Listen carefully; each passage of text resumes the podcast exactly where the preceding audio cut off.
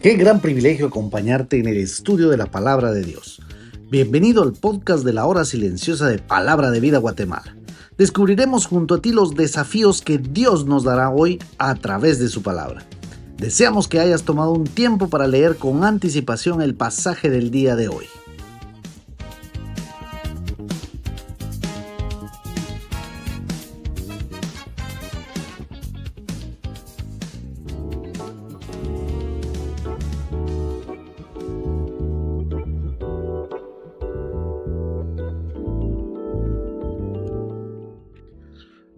Hola, ¿cómo estás? Te saluda Daniel de la Rosa, misionero de Palabra de Vida Guatemala. Y es para mí un privilegio poder compartir este nuevo estudio de la Palabra de Dios. Hoy llegamos a la última parte de la primera carta de Pablo a los Corintios, donde les da las últimas instrucciones y saluda a sus amigos, colaboradores, personas que hacían ministerio juntamente con él, hermanos que seguramente habían sido alcanzados por el Evangelio debido al ministerio de Pablo y que estaban dispuestos a dar sus vidas cumpliendo la gran comisión. Leamos los versículos 13 y 14. Dice así, velad, estad firmes en la fe, portaos varonilmente y esforzaos. Todas vuestras cosas sean hechas con amor. Aquí encontramos que hay cinco palabras que son mandatos, que apuntan al carácter del cristiano. Deberíamos vivir la vida como soldados, fuertes, en guardia, velando el regreso de su Señor. La primera palabra velad nos habla de estar despiertos, de estar atentos, prestando atención. Jesús nos mandó esto en Mateo 24, 42. Él nos dijo así, velad pues, no sabéis a qué hora ha de venir vuestro Señor. No te distraigas, el Señor viene. La segunda acción que nos manda es estar firmes. Esto nos habla de madurez, pues tus convicciones deben ser tan fuertes que nada te podrá hacer retroceder en tu caminar con Cristo.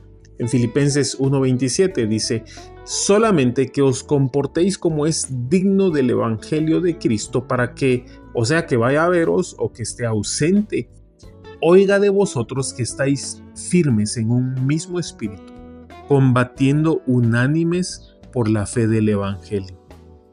El tercer mandato es portaos varonilmente. Miren, cuán necesario es en estos tiempos saber que tenemos diferentes roles entre hombres y mujeres.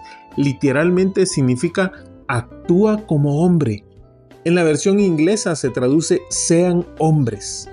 Esto no se trata de machismo o feminismo, simplemente se trata de cumplir el papel para el que fuimos creados.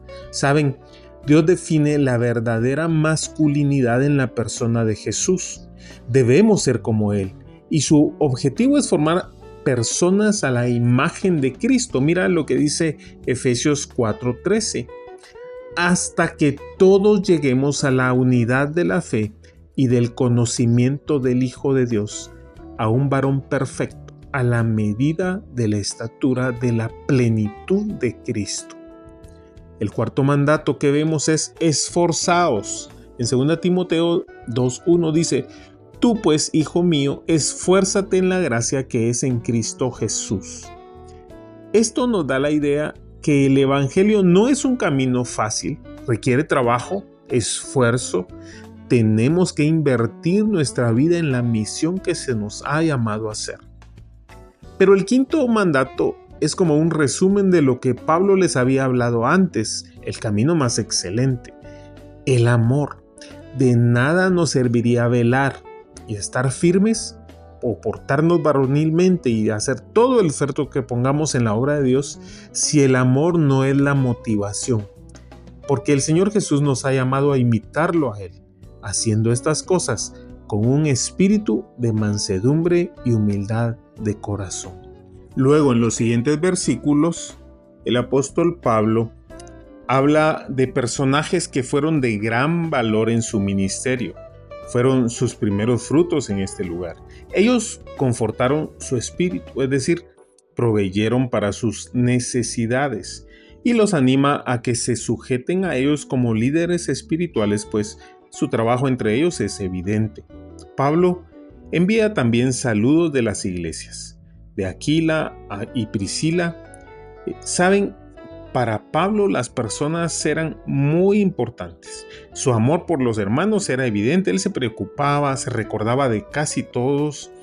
La iglesia se reunía en casas, los animaba a saludarse, a servirse unos a otros. Las últimas palabras de Pablo las escribe de su propia mano y refuerza la idea que ha venido trabajando en toda la carta. El que no amare al Señor Jesús sea anatema, es decir, destinado para destrucción. Tu amor al Señor Jesús debe ser evidenciado por tus acciones. El Señor Jesús viene. Por eso vívelo. Prepárate para el encuentro con tu Dios. Espera su venida. Cumple tu misión en esta tierra. Sé un reflejo de su gloria. Que Dios te bendiga.